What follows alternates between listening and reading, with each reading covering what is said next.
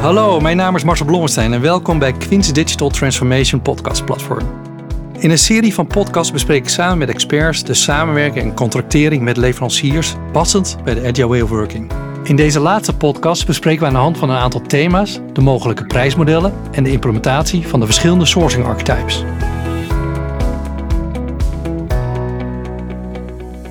Goedemorgen en welkom bij deze webinar. In deze webinar gaan we in op de verschillende sourcing archetypes en spreken we eigenlijk een aantal uh, centrale thema's die daarin terugkomen. Denk aan de prijsstelling, integratie met de contractering in de Agile Way of Working. En we gaan ook nader in op de implementatie hiervan. Mijn naam is Marcel Blomstein. Ik ben partner bij Quint en betrokken bij de practice die zich bezighoudt met de sourcing van IT en businessprocessen. En aan tafel heb ik twee experts, Partana Ramdas, Hans Moorenburg. Hartelijk welkom, goedemorgen. Misschien even nader introduceren. Ja, dankjewel Marcel. Mijn naam is Partana Ramdas en ik ben sourcing consultant bij Quint. Dankjewel. Hans Moorenburg, uh, consultant bij uh, High Performance Transformation Practice, Lean Agile, uh, DevOps transformaties. Ja. Daar gaan wij over. Dankjewel. Ja, degene die eerder naar onze webinars heeft gekeken, zullen jullie herkennen. Uh, en herkennen ook dan dat we hier gewoon eigenlijk alles uh, aan tafel hebben om over dit onderwerp, zo gezegd, een goed gesprek te hebben. Alvorens verder te gaan, wil ik toch eerst even stilstaan bij een aantal definities ten aanzien van de sourcing archetypes.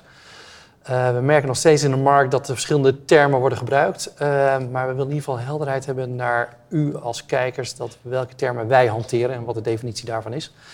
Vertana, mag ik jou nog een keer vragen om dat uh, toe te lichten? Ja, ja zeker Marcel. Ja. ja. nou, wij herkennen dus vijf verschillende type archetypes. Daar hebben we ook eerder bij stilgestaan ja. in deze webinarreeks. Maar vandaag ga ik even in op de succesverhalen. Dus wanneer het echt succesvol is. We beginnen bij internal staff. Dat is wanneer je medewerkers hebt op je eigen payroll. En dit is succesvol op het moment dat je een applicatieontwikkeling of functionaliteitsontwikkeling hebt, wat uh, niet alleen industriekennis vereist, maar ook organisatiekennis. Ja. Daarna hebben we time and material. Time and material, dat is wanneer je afrekent op basis van een aantal uren die gebruikt worden.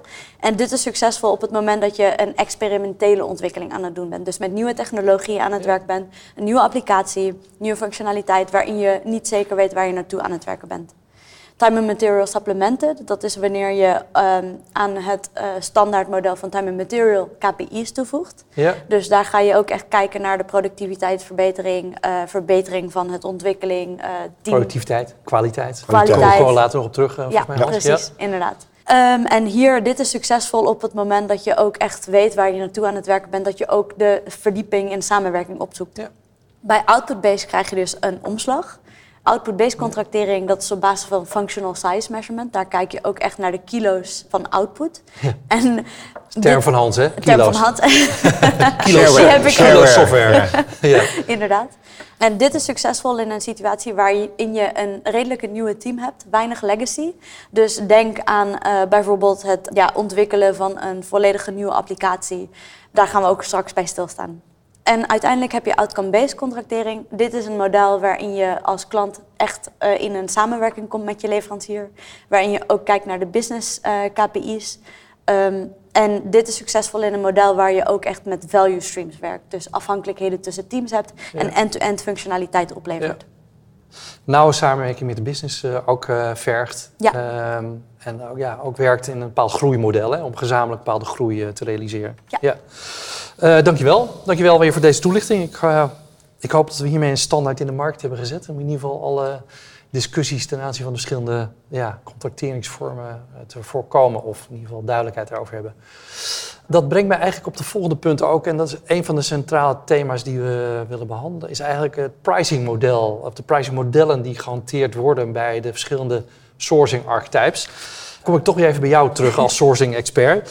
Welke pricing modellen zien wij, tenminste, zijn eigenlijk ja, uh, zich, of eigenlijk direct gelinkt aan de verschillende sourcing archetypes. Misschien kun je daar iets over toelichten.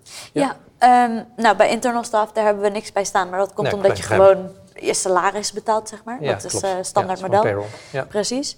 Uh, bij time and material is het afrekenen op basis van een aantal uren. Dus wat dat betekent is dat je een tarief krijgt per medewerker. En die reken je af op basis van een aantal uren die ze gemaakt hebben. Ja. Je kan dit ook doen op basis van bijvoorbeeld een fixed price per sprint. Ja. Dus dat je gewoon een, een, voor een bepaalde team betaalt voor een sprint. Maar dat is eigenlijk nog steeds gebaseerd op het aantal uren. Aantal uren, je kan het terugrekenen. Ja. Misschien kan je wat volumekorting krijgen op basis van uh, de sprints. Precies. Ja? Begrijp ik. Ja. Uh, bij Time Material Supplemented kom je dus op een bonusmalen systeem. Ja. Hier heb je een spend wat wel gebaseerd is op de aantal uren die besteed zijn door de medewerkers. Maar hier aanvullend op uh, iets een facturering gedaan op basis van de KPI's die je met de leverancier afspreekt. Hoe goed die behaald zijn en een bonus of malus uh, die daar aan hangt. Helder. Ja. Kan je misschien een beetje aangeven wat, wat ongeveer percentage aan bonusmalus wat we hier herkennen? Ja, dat is een beetje afhankelijk van de marge die je uh, in een bepaald project hebt. Maar je kan denken aan een marge die zit tussen de 5 of de 15 procent. Eh, bonusmalus bedoel je? Bonusmalus, ja. ja. ja. De marge zal waarschijnlijk nog iets hoger zijn voor de leverancier, want anders... Uh, ja, dat klopt. De marge zit wel hoger, maar ja, de bonusmalus... Ja. rond de 5 tot 15 procent, herkenbaar. Oké. Uh, breng me bij output-based. Ja, dan komen we bij output-based uit inderdaad. En een output-based uh, model, dat gaat eigenlijk over het output wat er geleverd wordt. Dus dit reken je af op basis van onze term kilo's. En die kilo's die bereken je op basis van bijvoorbeeld functiepunten. Ja. dat is één voorbeeld van de manier waarop je dat kan berekenen. Ja. En dus het is echt afhankelijk van wat er opgeleverd wordt. Maar dan moet je wel heel goed gedefinieerd hebben, wat is, wat is die kilo, hoe goed is dat? Uh, en daar heb je dus die metrieken voor nodig die bij Time Material Supplemented al ontwikkeld zijn. Zeg maar. Komen we zo nog op terug. Ja, ja, ja, precies. Heel goed. Ja. En als laatste dan heb je de outcome-based model. En dat doe je, die afrekening doe je op basis van time and material gecombineerd met business KPI's. Dus in dit geval hang je de KPI's ook echt aan het uitkomsten die, um, die ja, business gerelateerd zijn. Dus het een groeimodel. En hier maak je dus een afspraak met de leverancier over uh, het delen van het winst. Ja. Er staat mij bij dat we uh, in de laatste webinar, was natuurlijk de vorige, vier, dat we ook uh, daarin hebben gehad van vooral die, die business KPI's heel dicht, tenminste te, te laten overeenstemmen eigenlijk met de business KPI's die ook binnen een organisatie zelf worden gehanteerd. Hè? Dat ze in ieder geval transparant meetbaar zijn. Dat de business van de klanten eigenlijk dezelfde KPI's hanteert als de, de, leverancier. En dat is van belang omdat het natuurlijk eigenlijk ook een partnership is. Ja. Hè? Dus als je, het is niet de leverancier dat ik moet draaien wat, wat gevraagd wordt. Nee, we hebben samen een belang. En, en als dat ook gereflecteerd wordt in diezelfde uh, business KPI, ja, dat helpt alleen maar. Ja, oké. Okay. Uh, dankjewel voor deze samenvatting. Dus uh, verschillende pricing modellen die direct gerelateerd zijn aan de verschillende archetypes die je hanteert. Uh, misschien nog één vraag daarover. Komen wij ook contracten tegen die, waarin die verschillende pricing modellen dan ja, eigenlijk allemaal terugkomen? Of zijn het allemaal verschillende contracten? Ja, zeker. We gaan er straks even bij stilstaan. Maar de model die je gebruikt is afhankelijk van de teamsamenstelling. Ja. Dus eerst voer je een analyse uit over de team en welke model ja, daarbij past. Op terug. Precies. Maar binnen een organisatie kan je dus afhankelijk van... bijvoorbeeld je kan één value stream hebben die outcome-based werkt. Maar je kan een ander value stream of in een aantal teams hebben... die gewoon time and material werken. Dus de verschillende archetypes komen eigenlijk terug in de sourcing Ja, die, kun je, die kan je gewoon combineren. Kan je combineren. Uh, dan nog één laatste vraag hierover. Wat, wat is ongeveer de verdeling uh, die we nu in de markt zien? Uh, wat wordt het meest gehanteerd?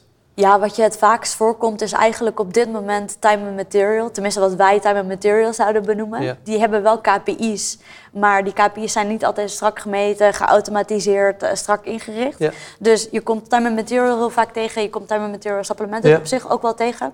Output-based hoor ik ook steeds vaker. Um, je merkt ook uh, bedrijven die agile werken, die zoeken ook op een, naar een manier toe waarin ze grip hebben op de uitkomst. En daar is output-based natuurlijk ja. bij uitstek. Dat is natuurlijk ook in het begin, uh, de eerste webinar heb je het er volgens mij over gehad, over wat waren de redenen voor sourcing. Dat je nu steeds niet alleen maar kostreductie gaat kijken, maar we willen wendbaarheid hebben. En we willen dus hebben dat je leverancier mee gaat denken. En in output-based heb je natuurlijk gewoon de, die wendbaarheid veel meer ingebouwd. Ja.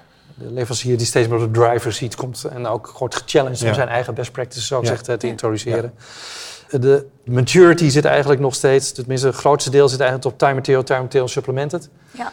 Ik denk dat het nog steeds wel zo'n bijna 90% is. Maar er is absoluut een neiging om naar output-based en liefst naar, ja, naar outcome-based. Er zijn ook wat experimenten mee. Dit is wat het uh, ja, op het ogenblik de staat van de markt. En uh, ja, wat dat betreft hopen wij ook dat we meer naar die output-based gaan, omdat er meer toegevoegde waarde in zit. Goed, dan wil ik eigenlijk overgaan naar een ander thema met jullie welbevinden. Ja? Als jij het zegt. dus, ja. Uh, en dat gaat er meer in van, oké, hoe zitten die verschillende archetypes, hoe worden die nou, zo gezegd, uh, ingebed binnen de rituelen van ja, de agile way of working? En misschien Hans, we gaan ze gewoon maar even af om een beetje ja. daar ook goed beeld over te krijgen. De started, time material, time material supplemented. Waar... Ja, time material is eigenlijk het meest simpele. Dat heeft eigenlijk geen invloed op, uh, op het hele Scrum-rituele. Je, je, betaalt gewoon op basis van de uren die gemaakt zijn. Dus dat heeft, wat erin gebeurt, speelt er eigenlijk geen rol. En het hele Scrum Framework, als we dat even als basis nemen, is erop gericht juist om die inhoud te sturen. Ja. dus het geld aan de kant gezet, dat time material en intern is dat ook gewoon geregeld. Maar op het moment dat je dus gaat naar uh, time material supplemented, en als we daar dan gaan beginnen, dan zie je dan eigenlijk dat, dat er een beweging gaat komen. Dat je dus vanuit de, de sprintplanning, hè, als je zegt van oké, wat, wat gaan we komende sprint uh, opleveren, dat het dashboard daar ook mede richtinggevend gaat worden. Het team onderhoudt dat dashboard. Je ziet op een gegeven moment, hey, waar zitten onze kwaliteitsbeperkingen? Waar zitten op een gegeven moment bepaalde uh, lead time vertragingen die we graag anders hadden gezien? Ontevreden uh, klanten die, die we aanzien komen. We gaan het expliciet meten. Hè, en uh, omdat het een deel is ook van de beloning, heb ik ook als leverancier een belang bij om in die sprintplanning daar ook al mee te kijken. Vervolgens ga je sprinten. Ja. Tijdens de stand-ups komen die dingen terug. Die KPI's worden gemonitord, en onderdeel van het gesprek. Maar met name dan op het einde gaan we zeggen van... op het moment dat de sprint review is, het levert increment op... Ja. Hè, en nou, dan kunnen we zien van wat is nu de kwaliteit, wat is de klanttevredenheid, uh, stakeholder tevredenheid. Uh, Dingen ga je meten. En als daar gaten in zitten, gaan we naar de retrospectief. En gaat het team kijken hoe, waar zit hier de grondoorzaak van, hoe kunnen we dat oplossen. En kan dat eventueel ook weer terugleiden naar welke dingen moeten prioriteren in de sprintplanning. Helder. Dus rondom zo'n sprint voorafgaand en ook in de evaluatie van sprint, uh, increment, proberen we eigenlijk dus deze sourcing archetype daarin zo gezegd te integreren. Het past er heel goed in, omdat eigenlijk kwaliteit, het source, is ook eigenlijk het fundament van, van agile werken. Het wordt soms een beetje. Ja. Hè, en dan verdwijnt de kwaliteit naar de achtergrond. Ja, dan doen we wel een dansje. Maar dan levert het niet die waarde op die we, die we eigenlijk zeggen na te streven. Gaan we over naar de volgende. Grote overgang, zoals Spartana ook al zei. We gaan output-based. Dus je ziet eigenlijk dan dus, uh, dat uh, ja, dus de afrekening meer plaatsvindt op basis van de geleverde software.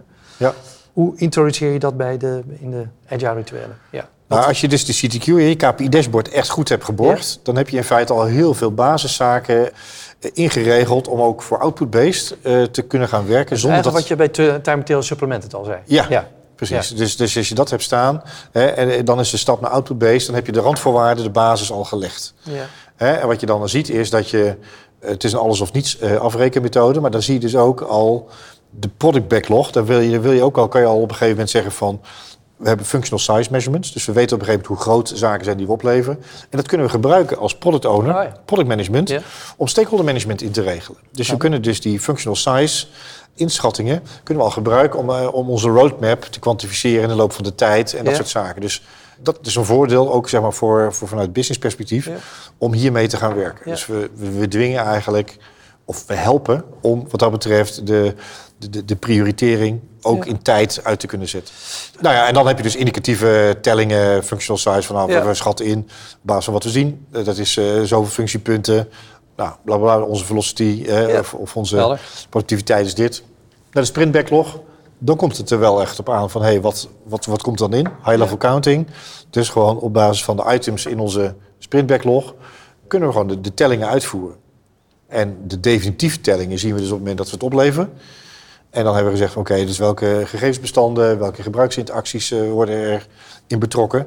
En dat is ook de basis van, van het tellen. Dus het past gewoon nog steeds in het framework zoals we dat in Scrum gebruiken.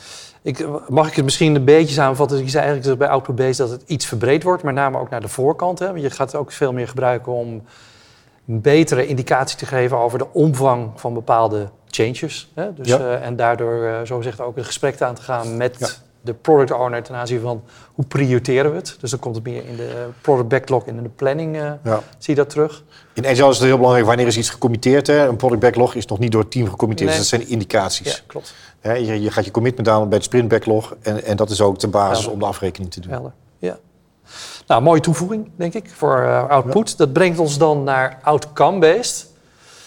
Ja, dus hier zien we eigenlijk dat de, ja, de integratie nog verder plaatsvindt. Ja. ja, hier is een heel ander plaatje dan wat we dus hiervoor hebben gezien. Hè. Dat, is namelijk gebaseerd op Scrum, dat is op, gebaseerd op de sprint. Dat is eigenlijk de kleinste werkende eenheid hè, die we hebben om werkende software op te leveren. En dat is ook de basis die je, als je goed kijkt naar het, het SAFe-model, als we dat hier even als referentieframework gebruiken, wat je op teamniveau nog steeds gebruikt. Dus dat blijft bestaan. Dat blijft bestaan. Dat blijft gewoon intact. Ja. Alleen on top of hebben we dus het team van teams. Dat noemen we de release train. Daar zit een kwartaalplanning op.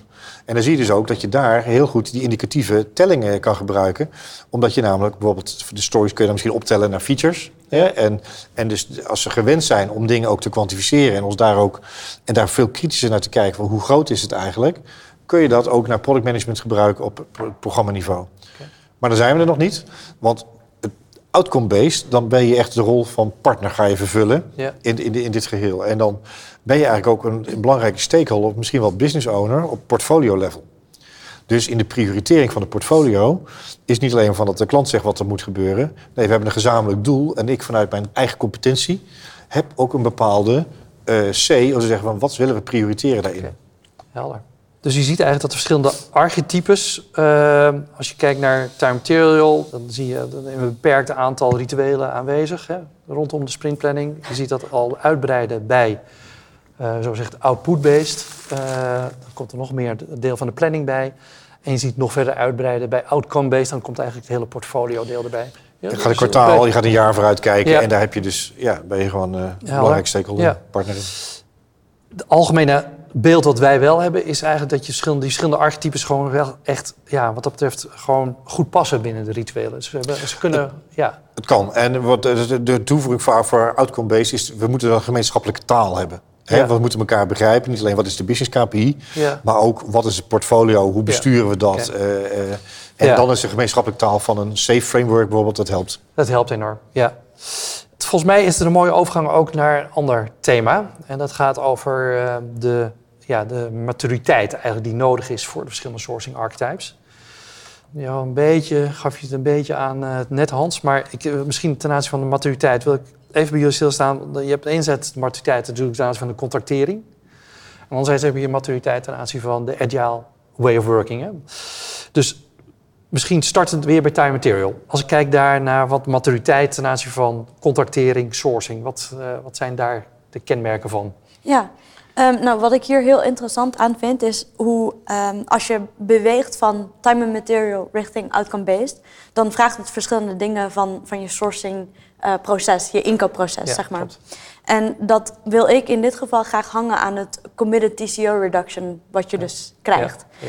Als je begint bij time and material, heb je dat eigenlijk niet. Het gaat echt puur en alleen over het contracteringsproces. Dus je basiscontracthygiëne is wel heel belangrijk, maar het is wel redelijk simpel. In de zin van, je ondertekent gewoon een contract, je rekent af op basis van een aantal uren en dat is het. Je krijgt een factuur binnen en verder kijk je niet naar wat er opgeleverd is of niet. Primair de financiële drive die daarin zit.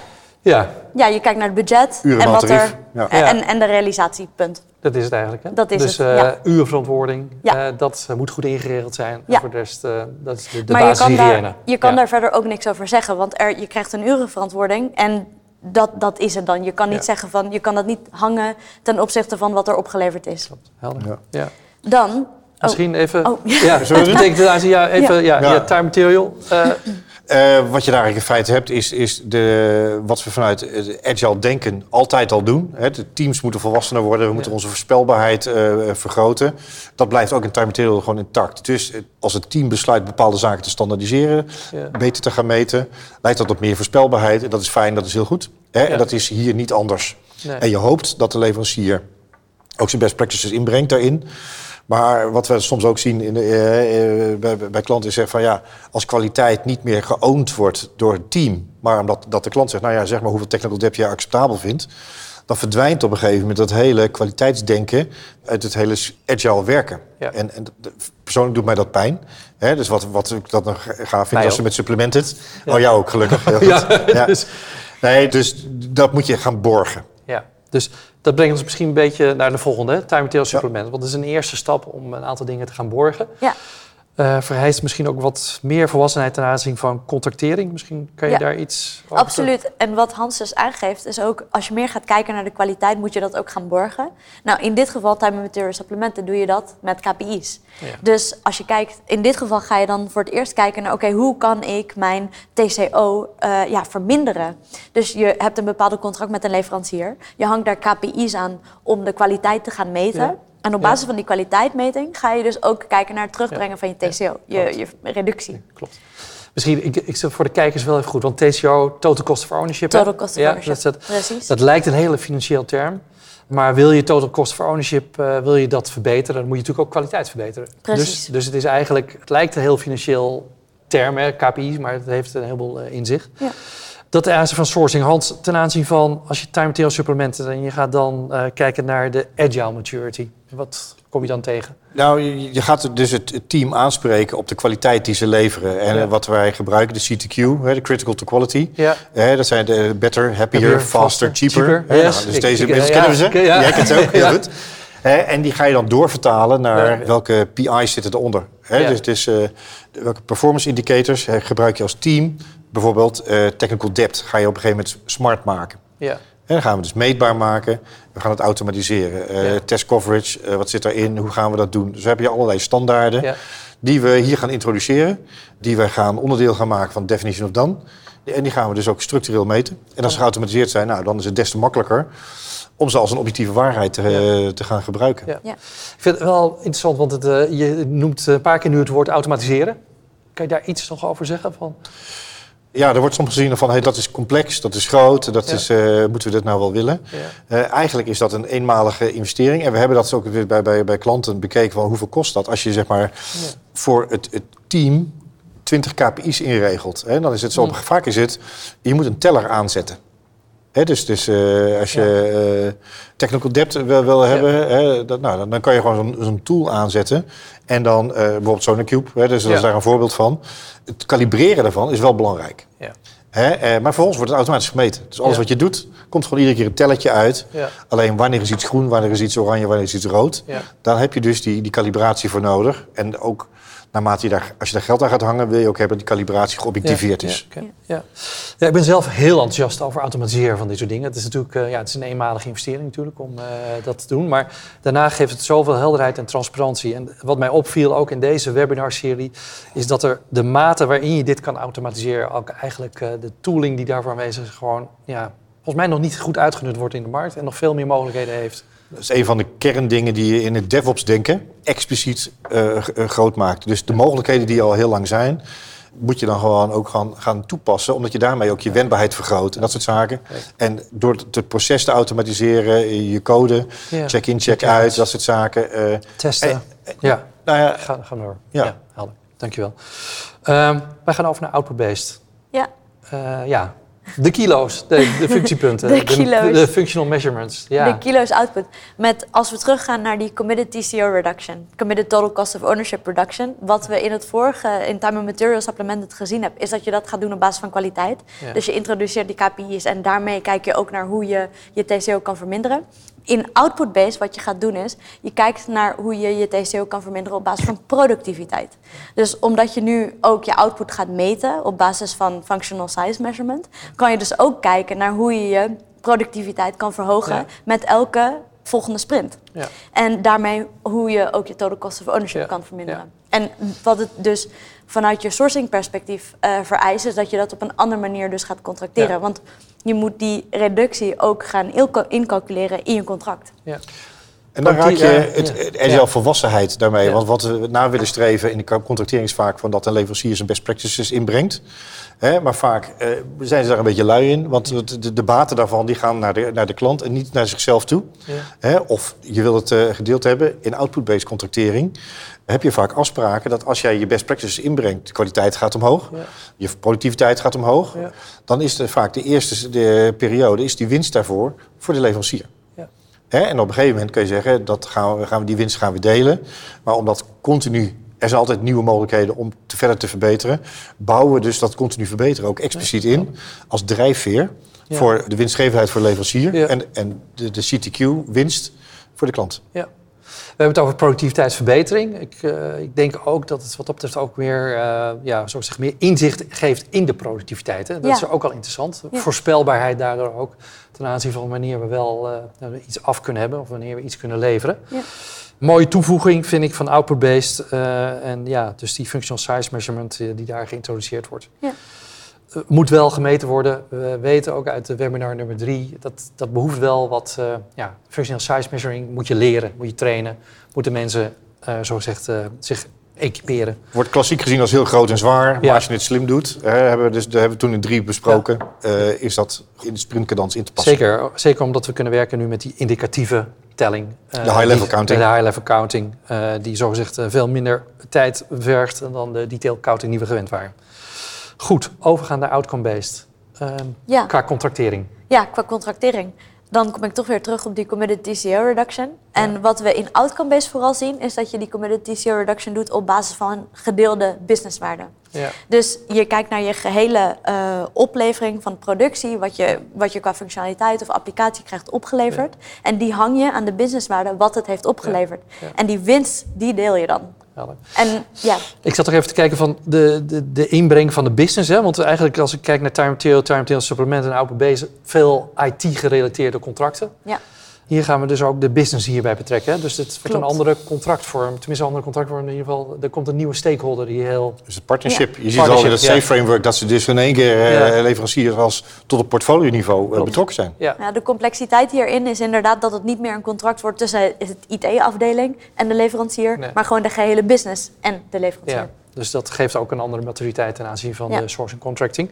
Want dat geeft ook een andere dimensie, denk ik, ook eh, ten aanzien van de agile way of working? Ja, in die zin dat, dat je ook als, als... Nou nee, jawel. Eh, de, de, de, je, je gaat met name anders naar buiten kijken. Hè? Want de volwassenheid, voorspelbaarheid, de CTQ-dingen die we besproken hebben... blijven hier ook staan. Want je moet gewoon in controle zijn waar je van bent. Zeg maar. Dus dat is de, de basis van een partnership.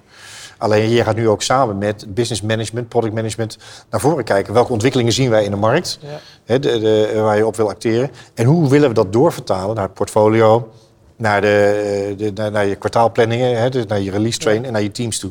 Ja. Dus de dynamiek is anders en je gaat ook anders kijken. Niet alleen kijken wat staat op de backlog, nee, wat gebeurt achter de backlog. Ja. Ja, dus de agile way of working. Dus ik zie ook veel klanten dat het in eerste instantie zogezegd uh, vooral binnen IT wordt geadopteerd. Maar hiermee wordt de agile working gewoon echt onderdeel van de business. Hè? En dat is wel onderdeel van de organisatie. He, dus business wendbaarheid is steeds meer een thema. En uh, ik hoop dat we daar ook nog een keer een andere keer uitgebreid op terug kunnen komen. Dan niet meer in deze serie. Nee, nee. Maar uh, dat is wel, dat is echt het thema next, next level. Ja, next level. Dus uh, dit is ook business agility, zo gezegd, die je hier ook terug in moet vinden. Ja. Oké, okay, dank jullie wel. Dit geeft dus in inzicht ook wat voor sourcing, tenminste welke volwassenheid je moet hebben ten aanzien van de, ja, binnen de verschillende sourcing archetypes. En dat geeft ook wel een mooie stapje dan ten aanzien van de implementatie. Want hoe hoger de volwassenheid, kan ik me ook dieper voorstellen dat de implementatie ook uh, wat complexer gaat worden.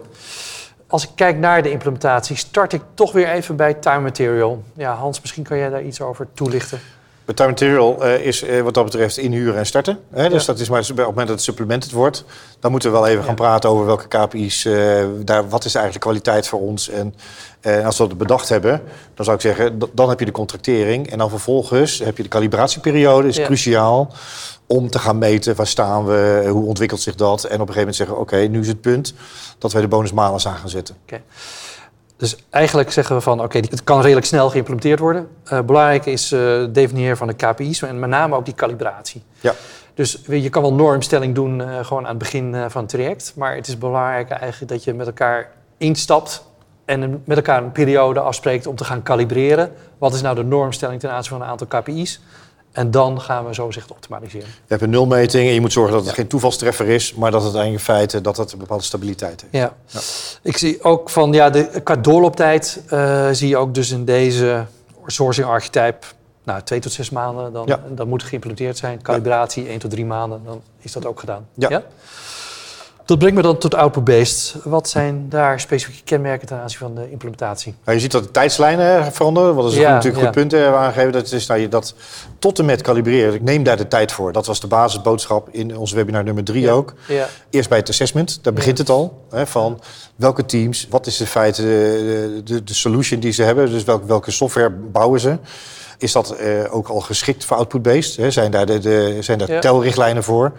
Hebben de kwaliteit onder controle, hebben de producten gedefinieerd, dus hebben ze ownership daarover. Ja. en daarnaast zijn die rituelen van voldoende niveau. Dus dat assessen ja. is een heel belangrijk punt. Want dat, eh, dat, zien wij ook, dus wat we bij klanten doen, is dat het soms, wat het wel lijkt als geschikt te zijn, dus als je beter kijkt, dan denk je, nou, er zitten wel haken en ogen Of in de definition of done, of uh, de functional size measurement.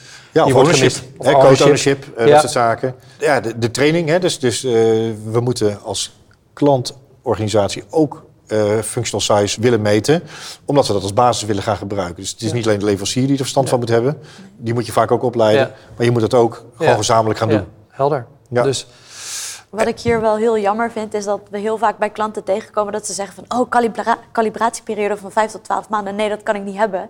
Maar de implementatie duurt sowieso al best wel vaak zo lang. Dus ja. ja. En in de calibratieperiode is niet dat we alleen aan het kalibreren zijn, we zijn gewoon aan het werken. Ja. Dus, en, aan, en aan het verbeteren. En het verbeteren. En we hebben dus alles draait gewoon. Dus we leveren gewoon onze sprints, onze producten op. Het is alleen in die calibratieperiode, dan gaan we bepalen wanneer krijg je de, de swap. Hè? Dus wanneer krijg je die omklapping. Dat we naar het alles of niets uh, punt gaan. Dus vaak heb je al een bonus-malus draaien hè, daarin. Dat is een hele goede aanloopfase voor deze. En op een gegeven moment zeggen we, oké, nu hebben we het ook onder controle. We, we zien dat technical depth is op acceptabel niveau, waardoor wij onze refinement periodes uh, goed kunnen, kunnen bepalen, impactanalyses. Ja. Nou, en dan ga je dus uh, de governance ook aanzetten daarin. Ja. Ja. ja. het mooie van deze implementatiemethode vind ik ook, want ik merk zelf ook dat een heleboel leveranciers zich een beetje argwanend zijn uh, ten aanzien van het maken van afspraken op basis van kilo's, functiepunten. maar dat komt omdat ze veel instappen in iets wat ze nog niet kennen. En met die calibratieperiode geven we ze eigenlijk de mogelijkheid om het te leren kennen en zich erin te leren. En op basis ook de juiste ja, normstellingen hieroverheen te doen. Ja, en je moet ook wel, denk ik, hierin niet alleen maar uh, agile en name only als leverancier zijn. Hè, van nou, ik, we hebben een Scrum Master en we hebben mensen die ook wel eens in de sprint hebben gezeten. Nee, je wil in feite ook ja. dat zij in staat zijn om die voorspelbaarheid en die kwaliteit te besturen binnen zo'n team. Ja. En dat stelt voor je resourcing ook wel wat, wat eisen. Dus dat is wel. Uh, ja. Uh, ten opzichte van time material supplemented is, eh, zijn we wel fact-based. betekent wel dat je iets langere periode hebt om, uh, zo gezegd, hier mee aan de gang te gaan. Maar als het aan de gang is, dan ga je het ook uitnutten. En dan zou je zo, ja, zo gezegd veel meer productiviteit uh, zo eruit kunnen halen. Best practices ja. ook van de leverancier veel beter gebruiken. Dan hebben we nog de outcome-based. Ook hier de vier fasen. Uh, nou, misschien Hans ook even iets toelichten ja, van. Uh, het is een partnership, hè? Dus het gaat niet alleen over... kan ik als leverancier voorspelbaar leveren? Nee, maar het is ook heel vaak gaat het over... passen wij goed bij elkaar? Hè, dus hebben wij, spreken wij dezelfde taal? Uh, als jij een bepaalde business KPI benoemt, als zijnde ja. cruciaal... lees ik dat hetzelfde? zie ik hoe ik dat kan beïnvloeden? Ja. Dus er zitten een aantal stappen tussen die het heel erg maatwerk maken. En vaak ook maken dat je zegt van nou, wanneer gaan we nou deze, dit, nou ja, het huwelijk aan. En je gaat, dat doe je niet met iedereen. Dus er moet een bepaalde uh, match moet er zijn. Ja. En dat is, dat is heel belangrijk. En daar moet je dus gewoon die tijd voor nemen. Ja. Niet overhaasten. En vaak zie je wel van, oké, we gaan langdurig met elkaar deze samenwerking aan. Want we hebben daar beide een belang bij. Nou ja, eh, dus neem die tijd daarvoor. Daarom zie je ook dat die tijdslijnen uiteen lopen. Ja, die preparation fase, die uh, zie je gewoon uh, langer doen. En je hebt natuurlijk ook die calibration fase die ook uh, wat langer duurt, omdat je die echt op basis van business KPI's uh, wil gaan Ja, en je gaat dus ook verder ja. dat framework in, hè? Je, je portfolio's. Ja. Het, is, het is niet meer een puntoplossing. Ja. Ja, ik herken wel van als, natuurlijk, als er gewoon binnen een organisatie al goed gemeten wordt op basis van business KPI's, dan zie je dat je misschien wat sneller kan starten, zes maanden. Maar anders moet je daar nog, uh, ook dat nog goed moeten inrichten als een klantorganisatie daar gewend is om langs een, een dashboard eh, expliciet te maken, te objectiveren en, en, een leverancier is dat ook, ja. ja. dan is het veel makkelijker om niet te praten over meningen, maar over die feiten bij elkaar te leggen en daarop de verbeteringen door te voeren en te meten of dat werkt. Dus, dus het instrument van continu verbeteren, wat je in Lean, Agile en DevOps ziet, pas je hier ook op toe en dan is het veel makkelijker om het eens te worden met elkaar. Resume, de verschillende sourcing-archetypes die herkennen of kennen eigenlijk ook uh, ja, hun eigen kenmerken voor de implementatie. Waarbij je, ja, zoals gezegd, bij de ene ook meer moet investeren in de preparation en bij de andere meer in de calibration. Uh, ja, en zo op die manier kom je eigenlijk uh, tot de juiste samenwerking. Ja, ik denk dat dan komen we aan ons laatste onderwerp. want ik denk dat een heleboel klanten of een heleboel kijkers ook maar zeggen: ja, hoe ga ik hier nou in godsnaam in starten? Tenminste, hoe ga ik dit nou aanpakken? Nou zeg ik in godsnaam, dus het lijkt denken van joh, alsof het een enorm project is, maar dat is het niet. Maar misschien Partana, kan jij iets uitleggen over ja, wat, wat een regulier stappenplan is? Ik denk zoals wij dat ook binnen Quint bij andere klanten of bij klanten zo gezegd uh, hebben uitgevoerd. Ja, inderdaad. Nou, we starten altijd met een introductie tot wat die archetypes nou precies zijn. Je moet het eerst kunnen begrijpen en die onderscheid kunnen maken. Dus eigenlijk wat we de afgelopen vijf uh, sessies hebben gedaan. Gewoon snappen wat die definities zijn. Ja. Dan we gaan, nu de, gewoon de vijf webinars opsturen, bedoel je dan? ja, of, uh, of gewoon een introductie, bijvoorbeeld een korte sessie, uh, introductie tot wat de verschillende, vijf verschillende archetypes zijn. Um, ja, daarna, wat, uh, wat we echt sterk aanraden, is gewoon een scan doen van je teams. Een high-level scan, weet je, op basis van een questionnaire. Waarin je even de karakteristieken van de teams ophaalt. Om erachter te komen van hoe die teams nou eigenlijk werken. Zodat je een inschatting kan maken van welke archetype wellicht goed zou kunnen passen. En daarna kan je dus even een assessment doen van... oké, dit zijn de teams, dit zijn de karakteristieken... en dan kijken naar wat nou precies het beste bij die teams kan passen. Ja, welke sourcing archetype het beste bij de teams past. Ja, precies. Welke sourcing archetype als je eenmaal een high-level assessment en, en uh, ja, rapportage hebt van die teams, kan je dan starten met echt een deep dive doen naar hoe die teams precies werken. Want nadat je die assessment hebt gedaan, moet je inderdaad, wat Hans ook eerder zei, je moet kijken van, oké, dit is wat wij denken, maar is dat ook daadwerkelijk zo? En daar komt Hans ook heel goed van pas, want dan gaat hij ook bij die agile rituals kijken van hoe werkt het team nou precies en hoe, ja, wat is het geschikt? We schuiven letterlijk aan hè? Dus we, en we kijken hoe het gesprek loopt tussen de klant en leverancier. Dus je bent bij een refinement sessie. Wat voor vragen worden er gesteld? Uh, hoe open, hoe direct is het? Uh, wat is in feite de kwaliteit ook van de backlog die, die, die, die is aangeleverd? Uh, en op een gegeven moment kan je ook zeggen, nou, je bent bij een stand-up. Welke gesprekken, hoe kijkt men naar KPI's? Ja. Volgens als je naar een retro, hoe doen ze dat eigenlijk? Hoe ja. feiten gestuurd zijn ze zelf als team, zeg maar, om te leren, om te verbeteren? En uh, nou ja, bij de review van uh, wat leveren ze op? En als je alleen maar hoort, er zijn overal afhankelijkheden, of het ding dan zeggen van, is dit er wel het meest geschikt? Of ze zeggen, nee, wij kunnen juist wel die stappen zetten. En dan zeggen, nou oké, dus dit is wel een kandidaat voor uh, wat meer advanced sourcing contractering. Wat zijn we het wel eens tegengekomen binnen een organisatie waar we initieel dachten we, joh, dit is output-based potentieel een team, maar uiteindelijk dat de context toch niet zo was en dat we toch Tenminste terug, dat we eigenlijk een andere contractvorm aan... Nou, met name dat bijvoorbeeld de, de, dat, dat de telrichtlijnen niet voor de hand liggen. Hè? En, en, dan heb je dus gewoon de eenheid van een kilo is het niet. Ja. En dan moet je dan met elkaar gaan definiëren. En wat je eigenlijk wil, is als je bijvoorbeeld met output-based contractering gaat werken, is dat je op zegt van nou, we hebben op een gegeven moment een lopende velocity. Ja. En aan het einde van de contractering kan ik ook een concurrent eventueel inhalen. Als alles maatwerk is, dan zegt die concurrent, ja, ik heb geen idee. Dus die ga je weer opnieuw, ga je die hele fase doorheen. Dus dan is de overhead ja. Uh, hoger. Ja, ik wilde nog even toevoegen. Dit is natuurlijk één kant van wat je bekijkt. Je kijkt naar de agile maturity. Maar er zijn nog twee andere onderdelen die je ook nog moet bekijken. En dat zijn dus uh, je metrics zelf. Dus wat jij al aangaf, jij vanuit agile perspectief kijken naar hoe die gemeten wordt, hoe er naar de metrics gekeken wordt vanuit het team. Maar je moet ook echt wel duiken in welke metrics gemeten worden überhaupt. En wat er uitgedraaid wordt, wat er geautomatiseerd kan worden enzovoort. Dus die assessment moet ook nog uitgevoerd worden. Ja. En als laatste ook nog natuurlijk, wat zijn de contractuele mogelijkheden ja. naar de teams? Hoe zijn die nu gecontracteerd en wat is de capability die je daarin hebt? Ja, wat is de huidige contractvorm en uh, in hoeverre zit daar een mogelijkheid in om naar advanced uh, zorging archetypes te gaan? En dit is wel een belangrijke fase, hè, want daar komt in feite ook komen alle verbeterpunten uit die, die je nodig hebt om daadwerkelijk eh, de stap te kunnen zetten, bijvoorbeeld naar output-based contracting. Nou, nou kunnen de kijkers denken, joh, dit lijkt een enorme berg aan assessment. Maar uh, ik weet dat we dat binnen twee weken bij een team kunnen doen. En dan, dan weten we hoe het in elkaar zit. Dus, maar dat zijn wel de onderwerpen die dan aan de orde moeten komen uiteindelijk... om een goede basis te leggen om eventueel te starten met de advanced sourcing archetypes.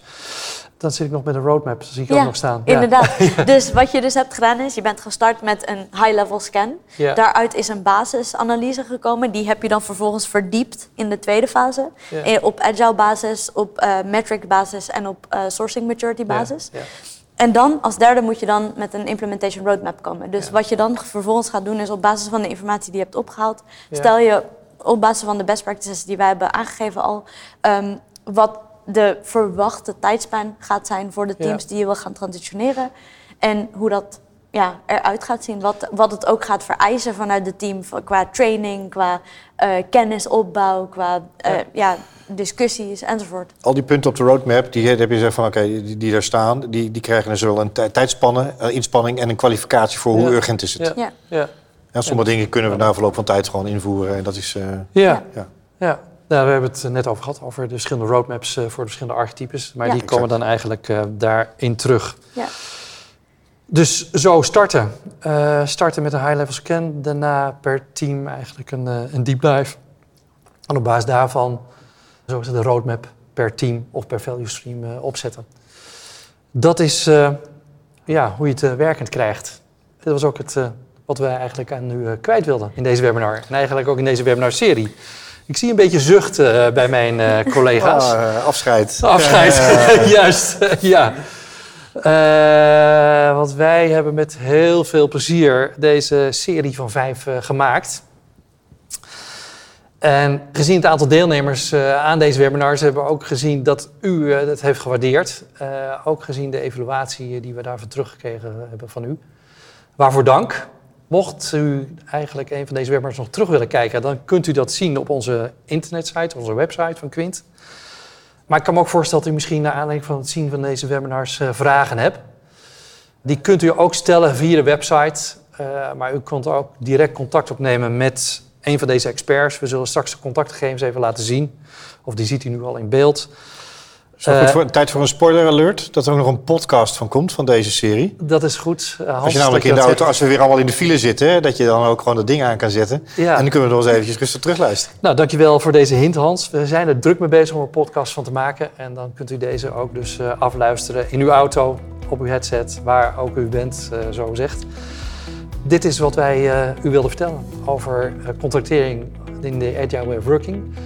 Ik dank u nogmaals voor het aanwezig zijn bij deze webinar. Wilt u nog meer weten over de wijze van samenwerking en contractering in de Agile Way of Working? Stuur dan een mail naar info.quintgroup.com en we helpen u dan graag persoonlijk verder.